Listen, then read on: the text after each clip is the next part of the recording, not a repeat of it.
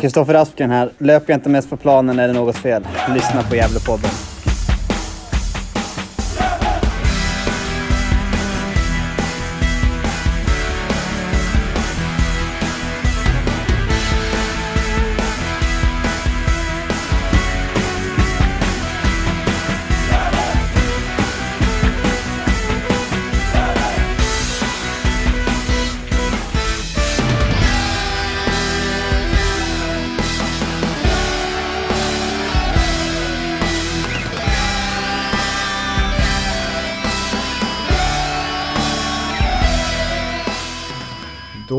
Hälsar vi er varmt välkomna till ett nytt avsnitt av Gävlepodden. Vi har, vi har kommit hela vägen till avsnitt eh, 382 i ordningen.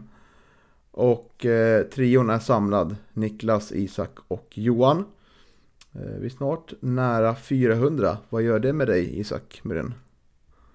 Eh, ja, men det är väl en milstolpe antar jag. Det, det, känns, det kommer ju komma nu till, till sommaren kanske. Eh, det är kul, det får vi se till att uppmärksamma på något sätt. Mm. Vi tycker väl ändå att Gävlepodden är en av de eh, äldsta supporterpoddarna.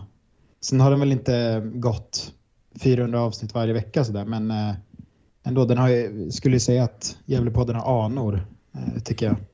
Om man tänker på Kungsbäcksvägen 24, den gamla klassikern. Mm. Så ja, ja, det, det känns stort. Mm, eller hur? Och eh, hur mår du då? Kanske man kan fråga.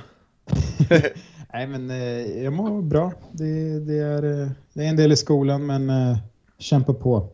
Och eh, anar lite framtidstro och hopp nu när fotbollssäsongen drar igång också. Så det är bra. Själv då? Mm, du nu alltså tro efter matchen du såg i lördags. Starka Nej, ord kanske- tycker jag ändå. Ja, nej, kanske, det kanske inte var matchen, det var nog mer den här känslan att Ja. första, första träningsmatchen brukar också eh, sammanfalla med första semlan, att det, liksom, det, det är någonting som, som eh, går igång i mig som, som får mig att känna att våren är på gång. Och sen var det kanske inte själva matchen som var, det var mer känslan. Mm, och det känns som att, eh, jag har lite känsla av Isak att du så här, att jag och Johan, vi står i ringhörnan, att vi gillar den klassiska semlan, men att du kanske tycker det är lite småkul här med alla nio olika semmelvarianter. Stämmer den fördomen? Nej, jag, jag, jag håller mig till klassikern faktiskt. Ehm, det, det är inget semmelwraps och sånt för min del, utan det är vanlig, ingen hetvägg dock. Uh, det känns som att Johan kanske är lite hetväggskille. Jag vet inte. Varm Ja. mjölk till. Ja, ja, det stämmer bra. Varm Ja. mjölk ska det vara. Så, så den eh, fördomen, eh, den, eh, den var ja, på pricken faktiskt. Ja. Nej, men annars, eh, bortsett från eh, att det inte blir någon hetvägg så, så är jag ganska klassisk vad gäller semmelval. Mm. Hur mår vår man i Sätra då? Jo, nej, men jag mår, eh, jag mår bara fint.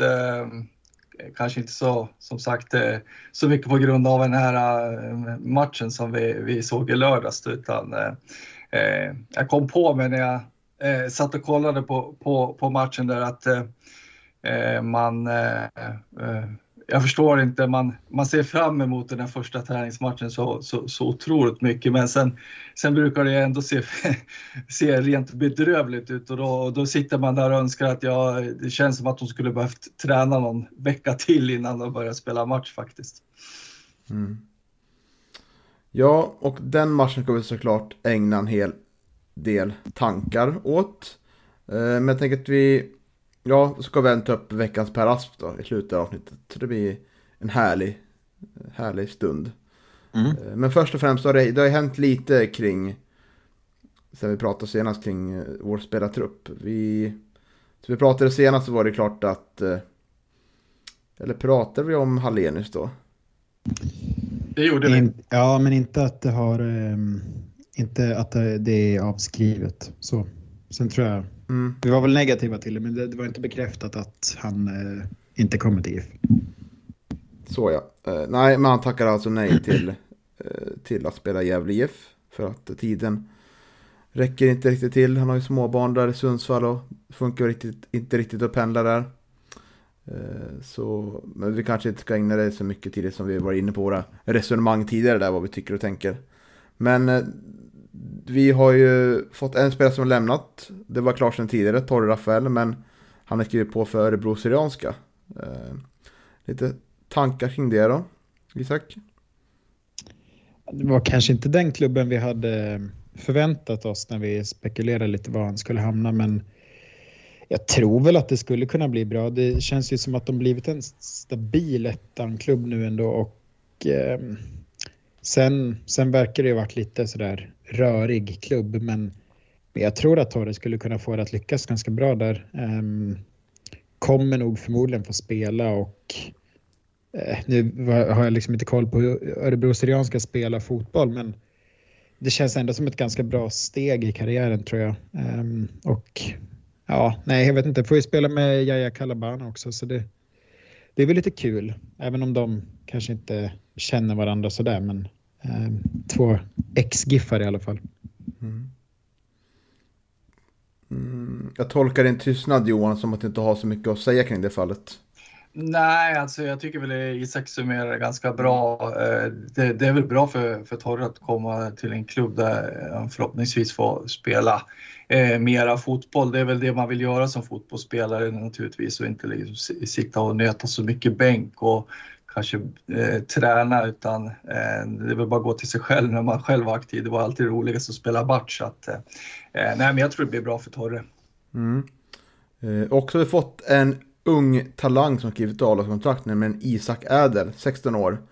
Eh, Micke har ju uttalat sig på hemsidan att det är en spelare med stor spelförståelse och en härlig attityd på det sätt, eh, och på det sätt att han är ödmjukt kaxig. Vågar verkligen ta för sig, förutom det har han en fin vänsterfot och en skicklig passningsspelare.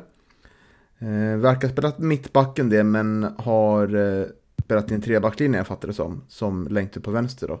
Och över tanken att vara någon slags eh, backup-alternativ kanske på vår vänstervinge. Eh, eller lite mer kanske snarare lära och se liksom. Eh, kanske fylla rollen som Alexander Jonsson hade på lån förra året. Den stora rollen. Den otroligt stora rollen. ja, det det är stora, vad ska man säga, stora skor att, att fylla för, för Isak verkligen. Ja, men vi, vi var ju lite um vi hade lite funderingar kring, betyder det här att det är den här eh, vänsterbacken vi, eh, vi ska få in, att, att det är spikat och klart på den positionen nu eller kommer det komma in någon ytterligare? Eh, det, min känsla är väl att vi kommer ju få in någon vänsterback också. Vi, jag tror inte att man kan förlita sig på, på att Isak Ädel ska kliva in och, och eh, kunna ersätta York på något sätt eller ersätta Friman då. Eh, så jag lutar väl ändå att det här blir någon slags sista alternativ, men som mest är med CLR skulle jag tro. Han är ändå 16, så det, det, det, jag tror inte att det här på något sätt stänger den positionen i, i truppen, i min känsla. Vad, vad tror du Johan? Ja, eh, vår eh, gamla poddkollega Andreas Ström hade beskrivit till Micke och, och, och frågat om just det, eh, om det är så att Isak skulle fylla någon av de där eh, platserna, de där två som det har talats om som ska, som ska in. Och eh, det fick, han fick ett kryptiskt svar där, han eh, fick ju vi får se så att eh, ja, eh, lämnar ju verkligen, eh, eh, vad ska man säga, öppet för spekulationer eller vad säger ni? Mm. Jo, jag skrev samma angående Torre när lämnat och det var ju lite det beror ju kanske på vilka spelare man får in och hur mycket de kostar och sådär. Så det blir ju matematik i det hela liksom. Eh, men det känns som ett, det är spännande med, med ett namn som man inte har känt till innan. Eh, sådär och stavning Isak med Z. Det känns ju lite... Ödmjukt kaxigt. Ja, det sticker ut och det gör ju inte ditt namn Isak med S. Nej, nej det gör det inte. Lite mer, lite mer ödmjukt i min framtoning. nej, men det, Ja, nej, jag vet inte om jag sett det förut faktiskt, men um, vi, det är lite åldersskillnad mellan oss så det kanske är något lite nyare påfund. Jag vet inte. Det, det är fina Isak med I-S-A-A-C, Isaac. Det är ah. nummer ett tror jag, bland Isak. jag har ändå kommit till den sidan att jag tycker Niklas med bara C känns, känns bäst. Så jag, trodde det skulle vara på min sida. Ja, okej, men då kan jag ändra mig. Det... Ja, tack. tack. Det är skönt, skönt att, att själv ha ett namn som kanske inte öppnar sig för mycket spekulationer egentligen. Eller, För att det finns väl Johan med två N va? Eh, Det har jag aldrig sett. Däremot eh, så har jag sett någon, sån, någon Johan utan H. Johan. Juan. Jo, ja, Juan. Juan Norrström. Jo, Juan Norrström, ja. Johan Sebastian Bach heter han faktiskt, med två N. Just det. ja. Och fy fan. Ja, du ser. Eller Johan Strasten yngre också. Var en österrikisk tonsättare säger han. Jävla Google. ja, vi kan inte fastna vid namn, håller på länge här. Nej men vi ska väl säga gra- eh, grattis och välkommen till LIF Isak Äder. Mm. Hoppas, Sen har vi också... Ja, nej. Fortsätt. Nej men hoppas att det, han gör ett fint avtryck så småningom. Mm. Sen har vi också mm, en, eh, en gammal giffare, Oskar Lundin, klar för Falu BS i division 2. Och det känns väl som att vi kommer få se Falun i division 1 nä, eh, näst, nästa säsong, eller? Mm, toppvärmning. Ja, jag tror också det.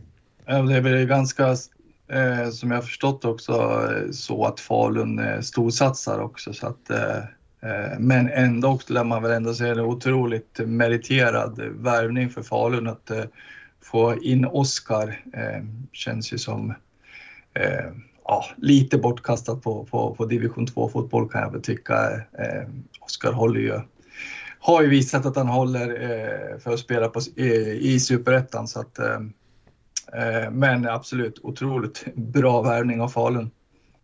Mm. Mm.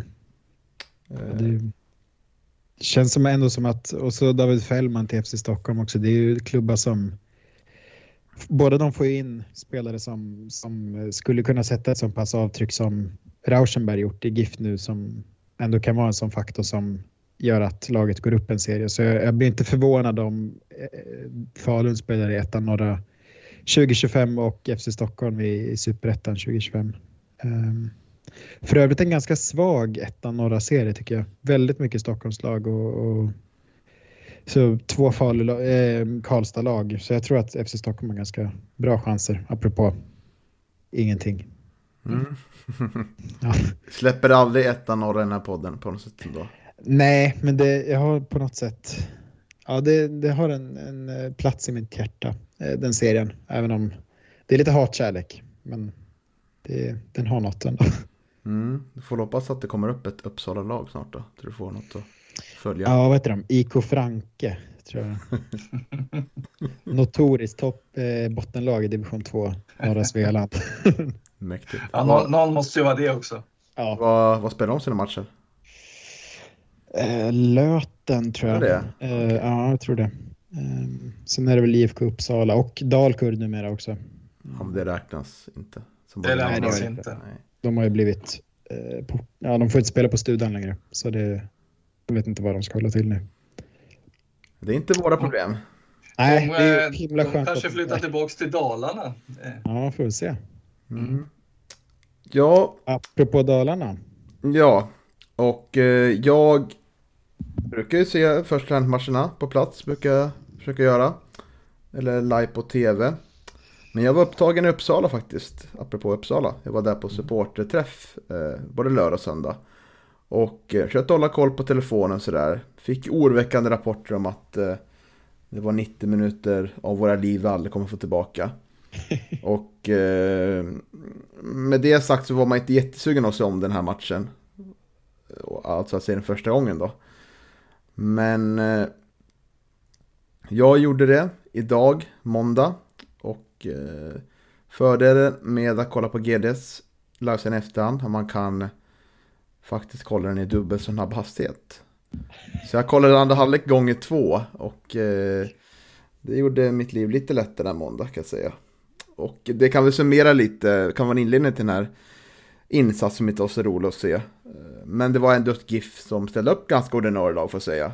Det, det var Oskar Jonsson i mål. Eh, det var en fembackslinje med Aspgren, Kevin Persson, Martin Rauschenberg, Niklas Åkesson och Joakim Rafael. Det var ett eh, tremanna eh, mittfält med Adrian Ekqvist, Samuel Adrian och Lukas Browning Lagerfält. Och tvåmananfall första gången på väldigt länge med Alvin Lettman och Jakob Hjälte.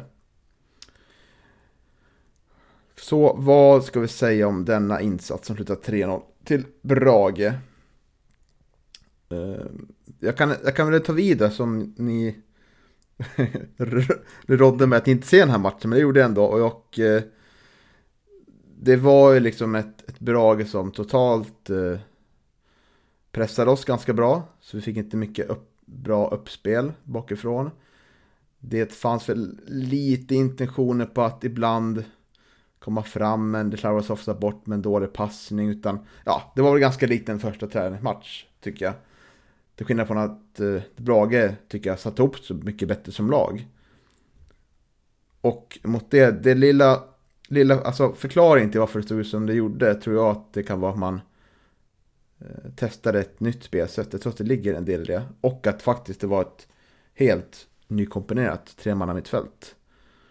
Och eh, jag tror att det, det betyder en hel del hur man kan lära känna varandra och sådär. Så det var min spontana tanke på varför det såg ut som det gjorde med felpass och eh, inspirationslöst inspirationslös och eh, allmänt dåligt spel. Där landade jag lite i kort som en inledning. Vad landar du i Isak? Jo, men jag tyckte också att det blev tydligt att eh, mittfältet inte riktigt fungerade. Um, kändes ändå som att backlinjen var den var inte dålig så. Sen var den ju väldigt statisk och släpper in det är inga liksom supermål vi släpper in. Så det, det blir ganska stillastående och bolltittande och så snöpliga situationer. Um, men det är kanske inte där riktigt problemet ligger utan jag tycker att mittfältet blir väldigt...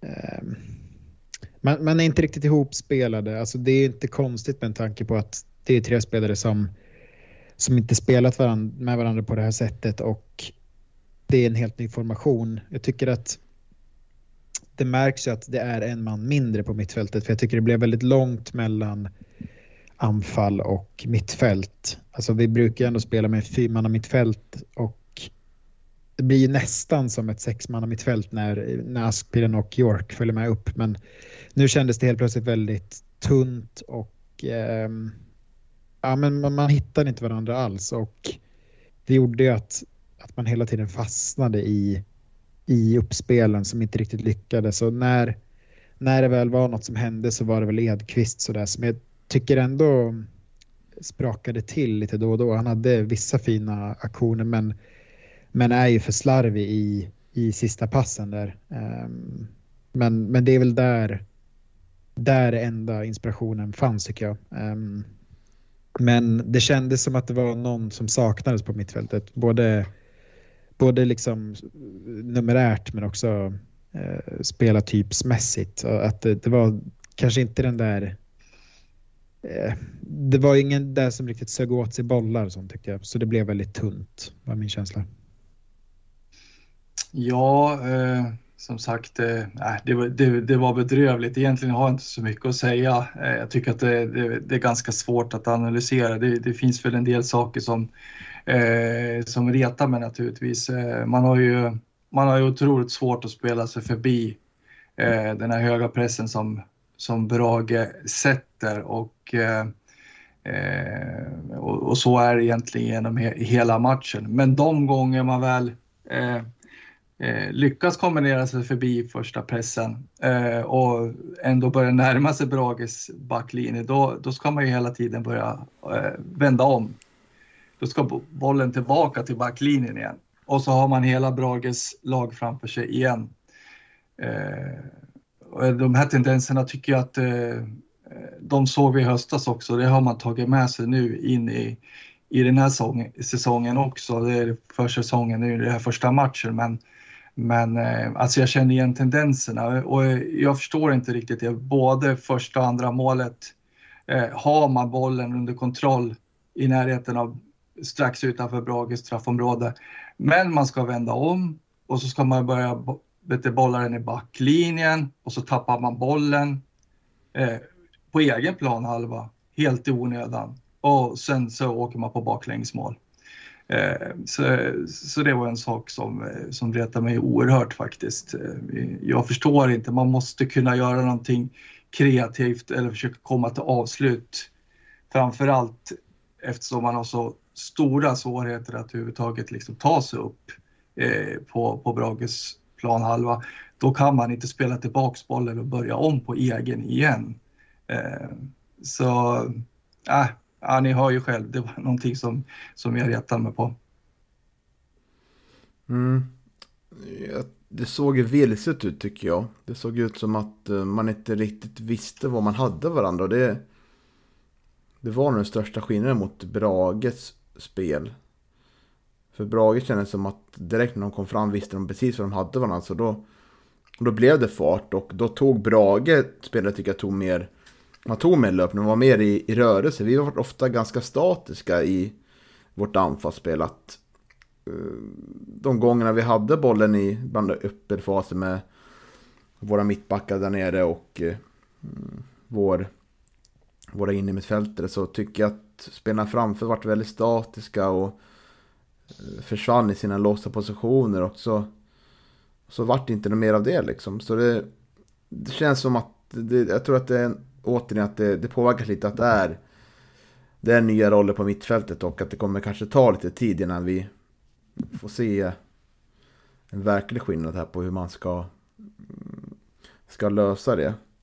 Men det var inte som var intressant tycker jag, det var att eh, Lucas Browning var den som fick den sittande rollen bland mm. mittfältarna. Det var ju Adrian Edqvist och Samuel Adrian som var lite mer längre fram. Och jag tycker eh, bland eh, de, våra tre tre ungefär som starter så tycker jag väl att eh, ja, Oskar Jonsson släpper in tre mål. Han kan inte lastas för det. Eh, så, men jag tycker ändå att, eh, jag tycker Samuel Aden såg den som såg mest intressant ut faktiskt och hade en del, en del passningar och initiativ som gav en liten förhoppning om, om att det kommer bli en bra säsong. Med betoning på lite då, Jag försöker hitta ljusglimtar här från matchen som, som man kan ta med sig i alla fall. Inte, men jag tycker väl kanske inte att Lucas Browning gör en jättedålig match, men han var kanske borde synas mer. Man är van vid att Oskar Nordin tar den rollen liksom naturligt och bidrar, men jag tycker att han var lite, lite osynlig där. Man lyckas ju inte utnyttja det här fina kantspelet också som ändå var ett eh, kännetecken för, för Gävle förra säsongen heller, utan eh, det precis som att det, man hittar ut med bollar till, till Aspgren och eh, till York, men eh, de, de, får ingen avlastning, de får ingen hjälp att eh, liksom kombinera sig vidare upp i plan, utan eh, eh man blir eh, relativt eh, liksom utlämnade själv där ute på kanten. Och Eh, det blir naturligtvis svårt, utan man, eh, man hamnar ju liksom oftast liksom två mot en då. Eh, och Eh, det är väl också någonting som förhoppningsvis blir bättre med tiden här, för det är väl någonting man måste få ordning på, för det är mycket eh, av det här att man spelar med wingbacks bygger på, på att man ska ja, att wingbacksen ska komma till inläggslägen efter kanten och sådär. Så att, Ehm, ja, nej, men förhoppningsvis så, så, eh, så, kommer det se bättre ut redan eh, på fredag faktiskt, som, så då man möter GIF Sundsvall. Ja, och sen får man ju också komma ihåg att vi saknar ändå Leo Englund, Anton Lundin, Tino, IU, Jakob. Alltså det är många som, som är borta som förmodligen kommer starta sen när serien drar igång. Så det, det gör ju också det svårare att bedöma. Jag skulle tro att det kommer behövas antingen Io eller Tino på det där mittfältet för att det ska fungera. För jag tycker inte att Samuel Adrian, Adrian Edqvist och eh, och Browning riktigt... Eh, de, de, de behöver någon... De är lite lika på vissa punkter som jag tycker... Liksom, det är någonting som saknas och där tror jag ändå att, att när vi får in antingen Tino eller EU så kommer det bli skillnad och jag tror att det, det, för det fanns liksom ingen riktig spelfördelare heller där, så jag, jag tror att det kommer bli skillnad och ett kanske tydligare roller på mittfältet sen när vi får in någon av IU eller Tio, Tino. Um, och dessutom en, en um, Leo Englund. Alltså jag tycker inte att anfallet utmärktes där jättemycket heller, även om de inte hade så mycket att jobba med. Så ehm, det, det kommer ju bli skillnad eh, och det gör ju att det heller, bortsett från att det är första träningsmatchen, Eh, så går det heller inte att dra så stora slutsatser med tanke på att vi hade så många borta. Så ja, det, det är svårt att, att säga allt för mycket egentligen. Ja, och Lettman är ju ingen forward heller så att, eh, utan eh, det var vi ju eh, vart ju liksom i brist på annat kan man säga med tanke på, på, på de skador vi har på, eh, på många av eh, forwards då, och plus att Jakob är borta på landslagsspel. Jag tycker ändå att Lettman gör det helt okej. Okay. Alltså han, han vill ju framåt ändå. Eh, sen, sen får han inte jättemycket att jobba med. Han förlorar väl ändå en del dueller sådär men jag skulle tro att han kanske har chans att spela till sig ett, ett A-lagskontrakt ändå. För jag tycker att han, han var ändå ganska bra tycker jag. Eh, även om det är en väldigt otacksam roll han, han kom in i på den positionen och med, med liksom de förutsättningarna. Så där. Men jag, jag tyckte ändå att han, han var stundtals lite pigg. Mm, jag håller med. Jag tycker att han gör ett eh, piggt, eh, pigg start. Eh, men det som jag tycker kommer bli intressant i den här försäsongen är hur vad kommer det innebära nu att vi har en till anfallare och en mindre mittfältare då? Micke sa ju till tidningen här att man kommer testa nu med två anfallare för att få mer tyngd i straffområdet och att ja, Leo inte ska känna sig helt ensam och få lite mer hjälp. Men Eh, det jag har tänkt på är att eh, som den här matchen, då har vi liksom tre centrala mittfältare. Vad kommer det här innebära för vårt kantspel? Tidigare var det ganska självklart att York har hjälp av en av en ytter på sin kant och Asken har hjälp av sin ytter på, på sin kant. Nu kräver det ju att eh, antingen någon anfallare går ner och hjälper till på kanten där för att skapa, komma, skapa överläge, komma förbi. Eller att någon av våra centrala mittfältare kommer ut och hjälper till. Och eh, den här matchen så är ju Adrian Edqvist en mycket mer benägen att gå upp på kanten än ta exempelvis Samuel Adrian eller Lukas Browning. Så det kan bli intressant att se hur man, hur man löste den problematiken för att få till ett fungerande eh, anfallsspel. Och eh, ja, vad, vad det innebär liksom. Vi får ju förvisso en man mer in i straffområdet men kommer vi till, till något inlägg så, så är inte det mycket mer värt. Så, eh, så det, kan, ja, det, det, är nog det mest intressanta vi kan följa på, följa upp i den här försäsongen. Hur, hur kommer det här påverka vårt anfallsspel? Eh, motiverar det ju också mycket med att eh, med en extra forward där uppe så skulle man kunna stå lite högre med lager. Det var ingenting vi såg av i, i lördags i alla fall utan det var ju samma gamla låga eh, Gävle som, som eh, avslutade eh, höstsäsongen. Så, men, ja, eh, mm. men, men, som sagt, eh, vi, vi kommer väl ändå kunna kanske vi ska väl ge det här en, en, en chans att säga. Utan man, kan ju inte, man kan ju som sagt inte skrota den här eller såga den här modellen efter en träningsmatch bara. Nej, och när väl gick och pressade högt så vart vi bortspelade ganska enkelt. Bagge hade ingen problem alls att komma ur det, så det finns en del att jobba på där också. Mm.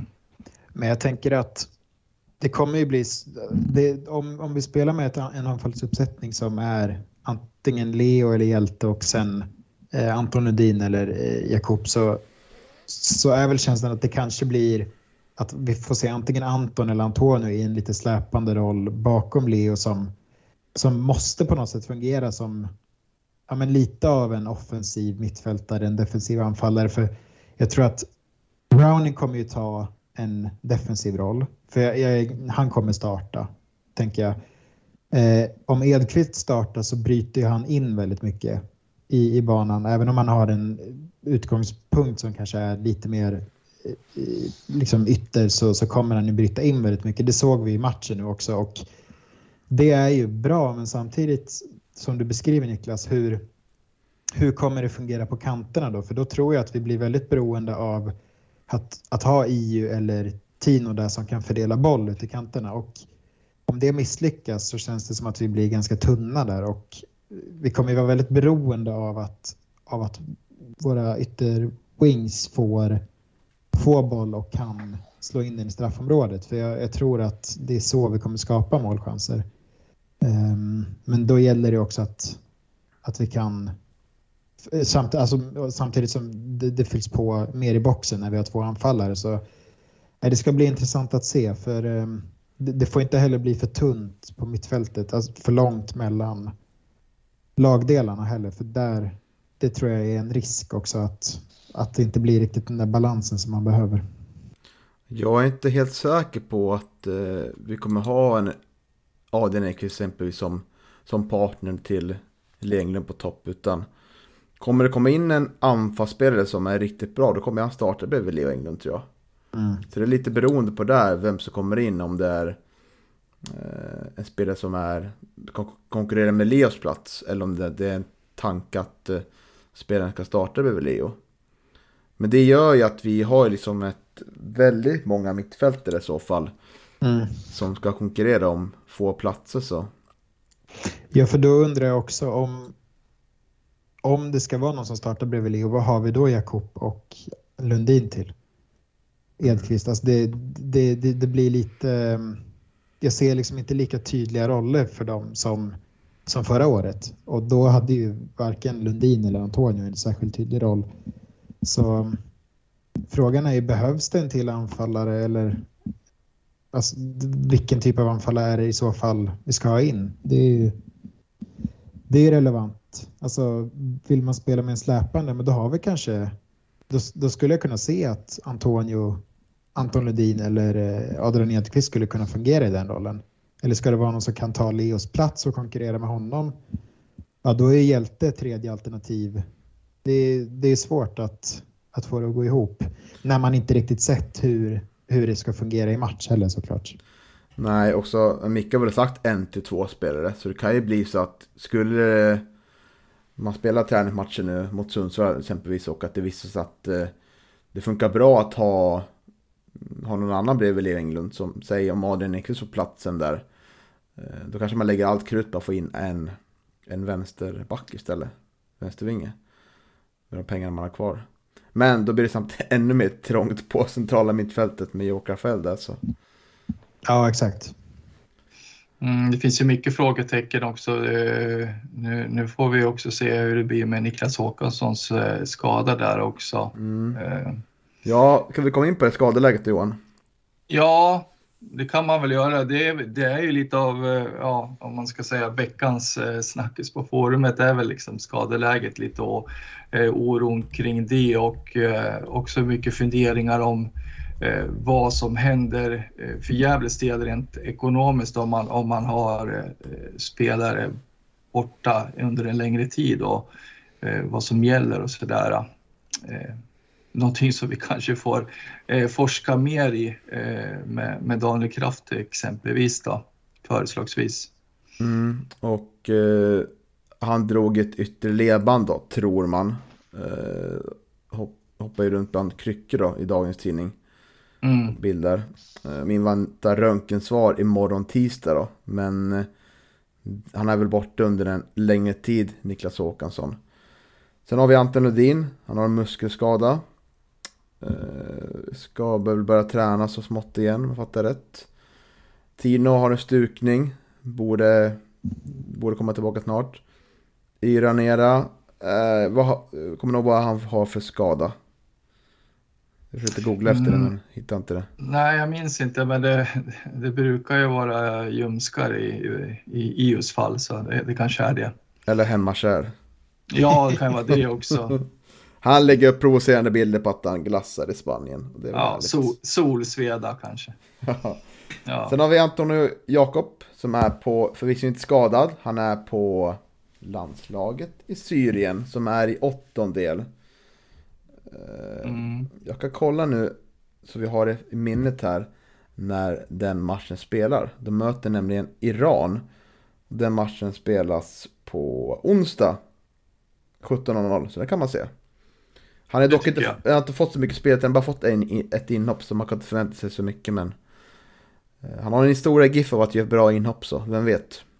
Ja, verkligen. Eh, sen är det väl så, Iran är ju en otroligt svår nöt för, för Syrien att att liksom eh, knäcka naturligtvis. Eh, Iran är ett av, ett av de eh, lagen som, är, som har favoritskap på att vinna hela asiatiska kuppen så att Eh, svår match för, för Syrien, men, men det skulle ju vara otroligt eh, roligt därför också att eh, eh, om det var, är så att Antonio skulle få hoppa in då. Fast på andra sidan vore det bra om man kom tillbaka så vi får se henne i spel. Så det, det är väl både och det där. Ja, jo, det är sant. Eh, jag kommer ihåg nu att Anton Lundin, att de, de tar lite för dag för dag. Så kommer jag ihåg att jag såg artikeln så han är inte och tränar igen tror jag. Eh, men Lea Englund var inte heller med, han har infekterat sår men är på väg tillbaka. Och Tobias, Tobias Johansson var sjuk. Så det är ju en, två, tre, fyra, fem, sju spelare. Som inte var Tyckte det såg ut som att Tobbe var... Eh, han, han såg ut och, Jag tyckte jag såg honom på bild från dagens träning i alla fall. Så han verkar vara tillbaka. Mm. Men eh, ja, det väcker lite frågor. Det är första träningsmatchen. Vi har redan en tredjedel av truppen borta. Hur, hur ska man tänka där? Är det, liksom, är det ett tecken på att vi har för tunn trupp redan nu? Vi måste stärka den eller är det bara en naturlig del av försäsongen? Slitna kroppar och, och eller kanske snarare trötta kroppar. Liksom. Um, hur, hur tänker ni? Är det ett tecken på att truppen är för tunn? Det tycker jag inte. Jag tycker att den, den är ju bredare än föregående mm. år. Eh, med tanke på vilka spelare vi fått in. Och ser man på skadorna så är ju Tino på träning. Eh, Håkansson är på match. Tobias Johansson är ju lätt sjuk. Så det, det är väl inte riktigt relaterat till, till fotboll. Eh, på det sättet. Och så jag tycker att merparten är inte relaterat till ja,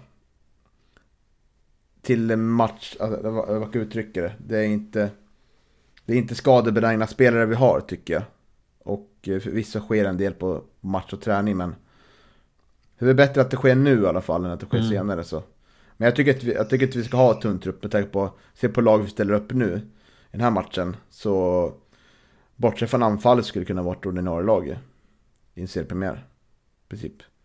Mm. Mm. Nej, jag är, inte, jag är inte orolig nu, eh, men eh, ser det ut så här eh, veckorna innan, innan eh, premiären att vi har 6-7 spelare borta, då, då blir det naturligtvis eh, eh, väldigt besvärligt. Eh, men men så, så illa ska det inte behöva vara. Nu är det som sagt när det är lättare skavanker på, på många av de där spelarna så att Eh,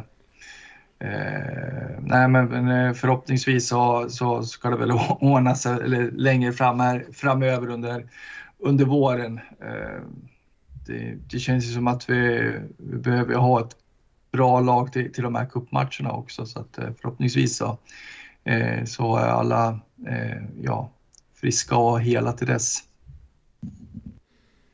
Mm. Mm. och nästa match är ju på den supportervänliga tiden 15.00 fredag uppe ja. i Nordikallen i Sundsvall. Eh, men GD och AB sänder. Så kan man ha lite mysig AV. Eh, härligt. Eh, hoppas att jag får se lite bättre tendenser i spelet då. Och jag skrev faktiskt till Micke här och frågade om helgen efter för det är ingen match inbokad där. Och de har inget motstånd än så de håller på att kolla på och försöka få in någonting. För helgen efter det så är det ju cuppremiär mot Kalmar. Så man vill nog väldigt gärna ha in en match där innan så.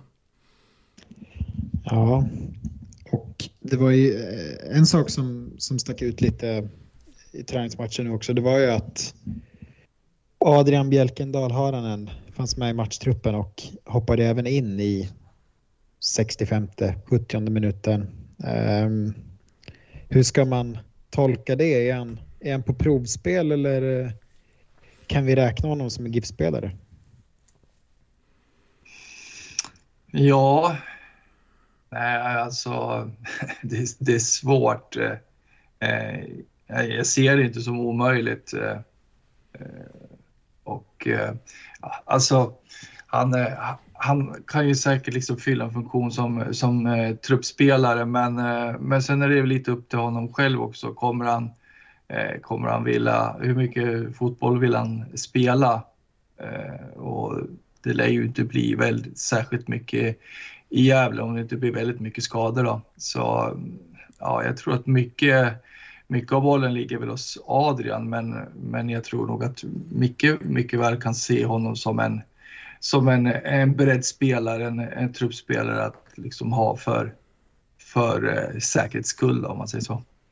För det jag noterat är ju att på eh, förbundet Svensk Fotboll ehm, så står ju Adrian registrerad i GIFs trupp och det, det, gör man ju inte om man är bara provspelare. Man registrerade ju ett gäng eh, akademispelare eh, som inte hade Eh, stått upp i matchtruppen eh, innan lördagens match eh, tillsammans då med Adrian Haranen. Så han står förvisso registrerad för, om man kollar på Sykes sida så står han där också, så jag, jag, vet inte om, om det betyder något, men det står ju att han ingår i GIFs trupp av förbundet och såvida jag vet så behöver man inte registrera provspelare. Så jag vet inte, det kanske betyder att, att han är GIF-spelare nästa år, eller i år, jag vet inte.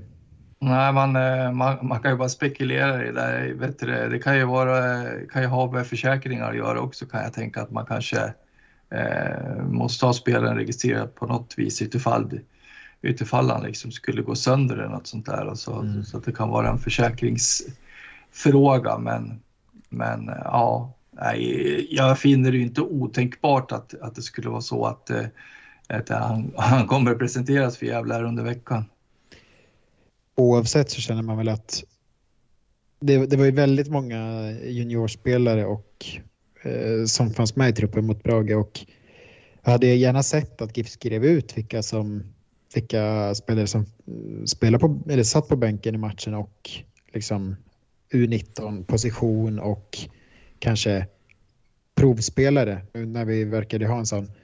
Ehm, så att man får lite information för annars nu, nu blir det de här spekulationerna. Ehm, och man vet ju heller inte så mycket om de eh, U19-spelare som, som fick hoppa in heller utan det, det blir liksom namn men inte så mycket mer. Så jag hade gärna sett lite mer information kring, kring vilka det är man åker med till de här träningsmatcherna.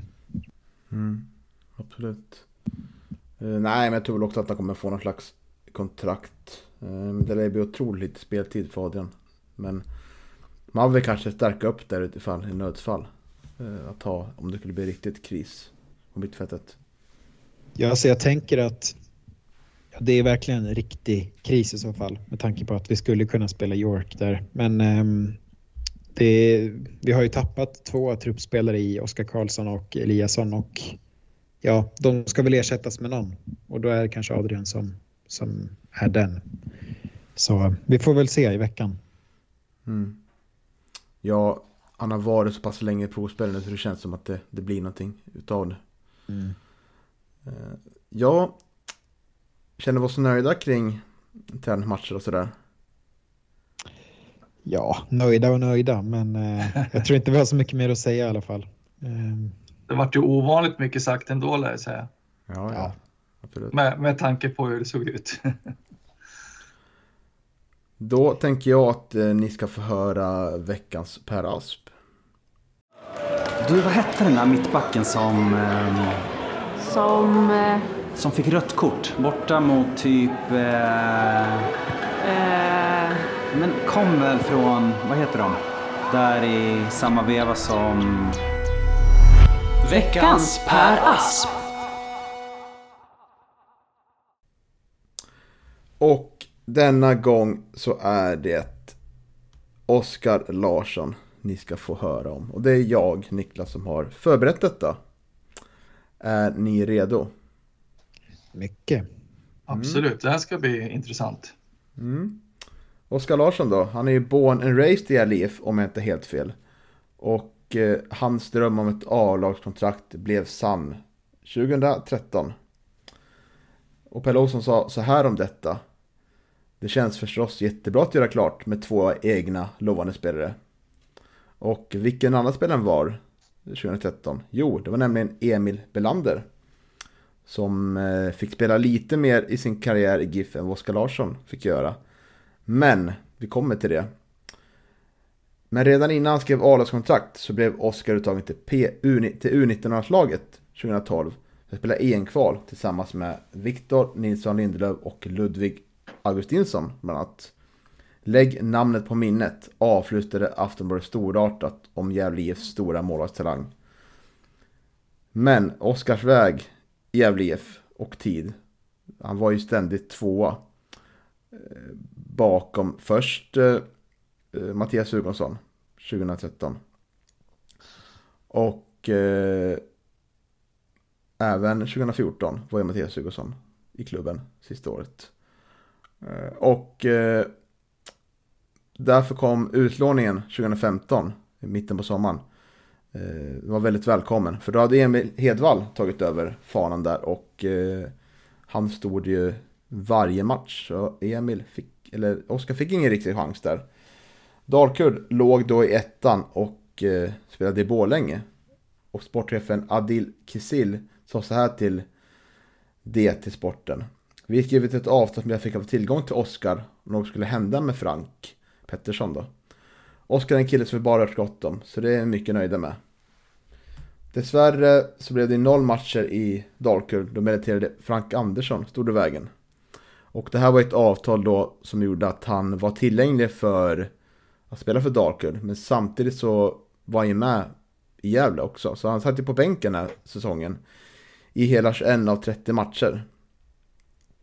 Så det blev inte mycket spel för Oskar det här året heller. Eh, men det blev istället en hel drös av u matcher för, för Gävle genom alla år. Eh, men i slutet av 2015 så dök en möjlighet upp för Oskar att eh, komma till provspela till Degerfors. Som då låg i Superettan. Men det var en vecka där, sen sa sportchefen Patrik Werner, som fortfarande är kvar, fascinerande nog. Eh, kort och koncist att det inte blir något kontraktserbjudande.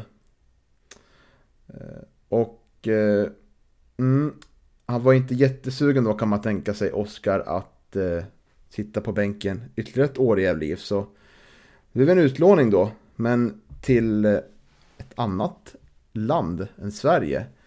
Till norska Egesund som ligger i norska andeligan.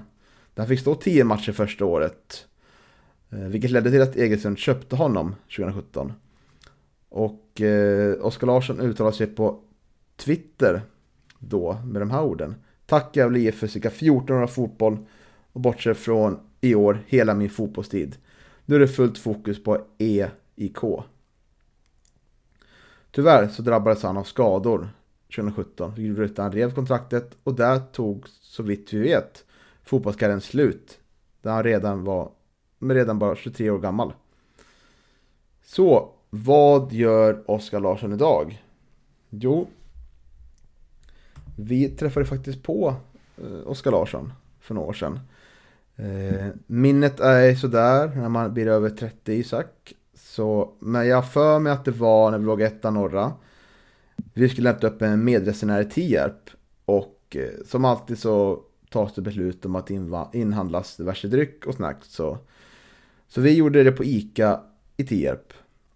Eh, och vi pratade om att det är fotboll, kunde åka på match. Och eh, när vi kommer till kassan nämner vi att vi är på väg till en fotbollsmatch. Och då berättar kassören att han har spelat i LIF. Och då går det upp för oss att det är Oskar Larsson som sitter i kassan.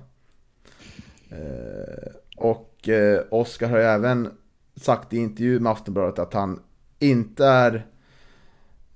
Han är ganska nöjd med att sitta i, sitta i kassan på ICA där. Trots att hans eh, gamla P19 landslagskamrater Victor Nilsson Lindelöf och Ludvig Augustinsson skördar framgångar i Manchester respektive Anderlecht så är Oskar Larsson ganska nöjd med att sitta i kassan på ICA. Det här var, för, var ju för några år sedan så jag vet inte om man gör det fortfarande.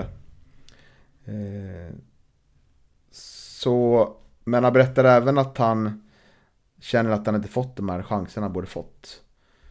För det blev ju faktiskt noll matcher i Gävle IFs A-lags trupp träningsmatcher, men en träningsmatch stod han. Vilket jag inte riktigt har listat ut än, vilken det var. Men vi jobbar lite på att få en intervju med, med Oskar Larsson, så då får vi lite mer klartecken kring det tänker jag. Men det är historien om eh, veckans Per Asp, Oskar Larsson. Och eh, i kategorin veckans spärrapp så är nog det här en av få som inte gjort en, en match i Gävle men ändå har, tycker jag i alla fall, ett namn man lägger på minnet. Ja, Mm. och han har ju framförallt varit i föreningen väldigt länge så det är, det är ingen som bara kommit och varit inlånad ett halvår och inte gjort någon match utan han är ju ändå en, en jävla kille. Så ja, det var kul att du uppmärksammar honom och eh, fantastisk historia från ICA i Tierp. Jag har ju hört att han suttit i kassan så jag läste den där intervjun i, i Aftonbladet men um, jag, jag visste inte att du hade handlat av honom. Det var ändå kul att höra. Mm. Eh, väldigt eh, trevlig person och ödmjuk och kollar fortfarande på, på Järlif när vi träffar honom så. Ja. Har du några klara minnen av honom Johan?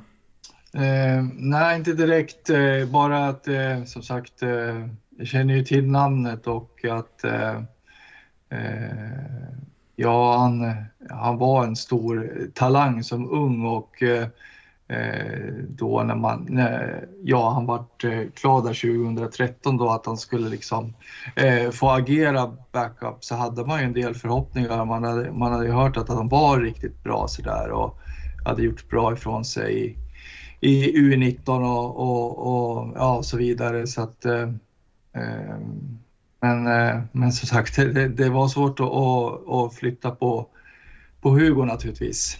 Eh, och, och, och så är det ju. Eh, ja, nej, men, i, men i övrigt så, så minns jag inte så mycket. Jag tycker att det, var, det, det är lite tråkigt som, som, som han säger och jag kan förstå att han tycker att han kanske aldrig riktigt fick chansen heller om man bara får stå en träningsmatch. Eh, eh, så, så det är ju lite trist. Känns som att det kanske inte var jätteroligt att, att eh, befinna sig i skuggan av Hugosson och, Hedvall där. Även om Hedvall var- i skuggan av Hugosson också så, så eh, var det ändå målvakter som stod de allra flesta matcher och det, det brukar inte bli så himla många eh, matcher för, för andra målvakter i Gävle utan det brukar vara en ganska tydlig etta och tvåa även om, även om vi fick se en del eh, andra målvaktsinhopp när Tim Markström var avstängd stup i kvarten för några år sedan. Men nej, det, det brukar inte bli så mycket matcher för våra andra och speciellt då inte tredje målvakter. Mm. Och jag ska rätta mig själv nu att det var Emil Hedvall som stod 2014 och eh, 2015 då. Just det. Hugo la ju av 2013. Ja, Mm. just det. Så slipper jag få lite arga mail. Jag ska också rätta mig själv att IK Franke, eller IFK Franke kommer från Västerås. Uppsala. ja, det var oh. Apropå arga mejl. Ja. Tar tillbaka allt jag sagt. Kul! Äh, vi måste komma igång lite bättre med, tycker jag, med eh, Per Mm. Asper. Mm, verkligen. Vem Det tar har vi ju nästa då? lovat. Ja, det blir jag nästa gång. Mm. Eh, och eh, Ska, vi, Ja. ska, vi, ska vi kanske göra som eh, When We Were Kings och lägga upp lite olika alternativ på Twitter så folk röstar om de ska, vi ska ta? ja, men det vore kul. Ja, det vore Ja. kul. Mm. Det gör vi. Det blir så här, eh, bråk mellan olika fraktioner inom folk taktikröstar om att de ska höra om, jag vet inte vem kan det vara, James Frimpong, han har vi redan haft. Men, Ja. ja, ja, det kan. Bra idé Niklas. Mm. Ja, härligt. Vi blir nästan en timme lång ser jag. Har vi något mer att eh, mm, snacka om, tycker ni? Nej, vi får fortsätta påminna om eh, livepodden, eller live-radion, fredag 9 februari. Eh, det kommer lite eh, mer information om eh, gäster och tider, hållpunkter och sånt eh, nu under veckan. Men eh, fredag kväll 9 februari kommer ni kunna lyssna på oss live i ja, på Mixler blir det väl. Eh, Mm. Så ja, skriv upp Mm. det i kalendern och eh, du får jättegärna eh, ja, skriva på, på Twitter eller så om, om ni har något förslag på vad vi bör prata om. Men vi, vi lutar väl åt att det, det blir en del cup försäsong och sen ska vi försöka snacka lite om, om eh, Gävles närvaro på sociala medier och kommunikation och sånt där. Så ja, skriv upp det. Bra. Eh, men det är väl så att vi, tackar för, för denna gång. Och så önskar vi våra lyssnare en fortsatt eh, trevlig vecka så syns vi nästa gång. Hej!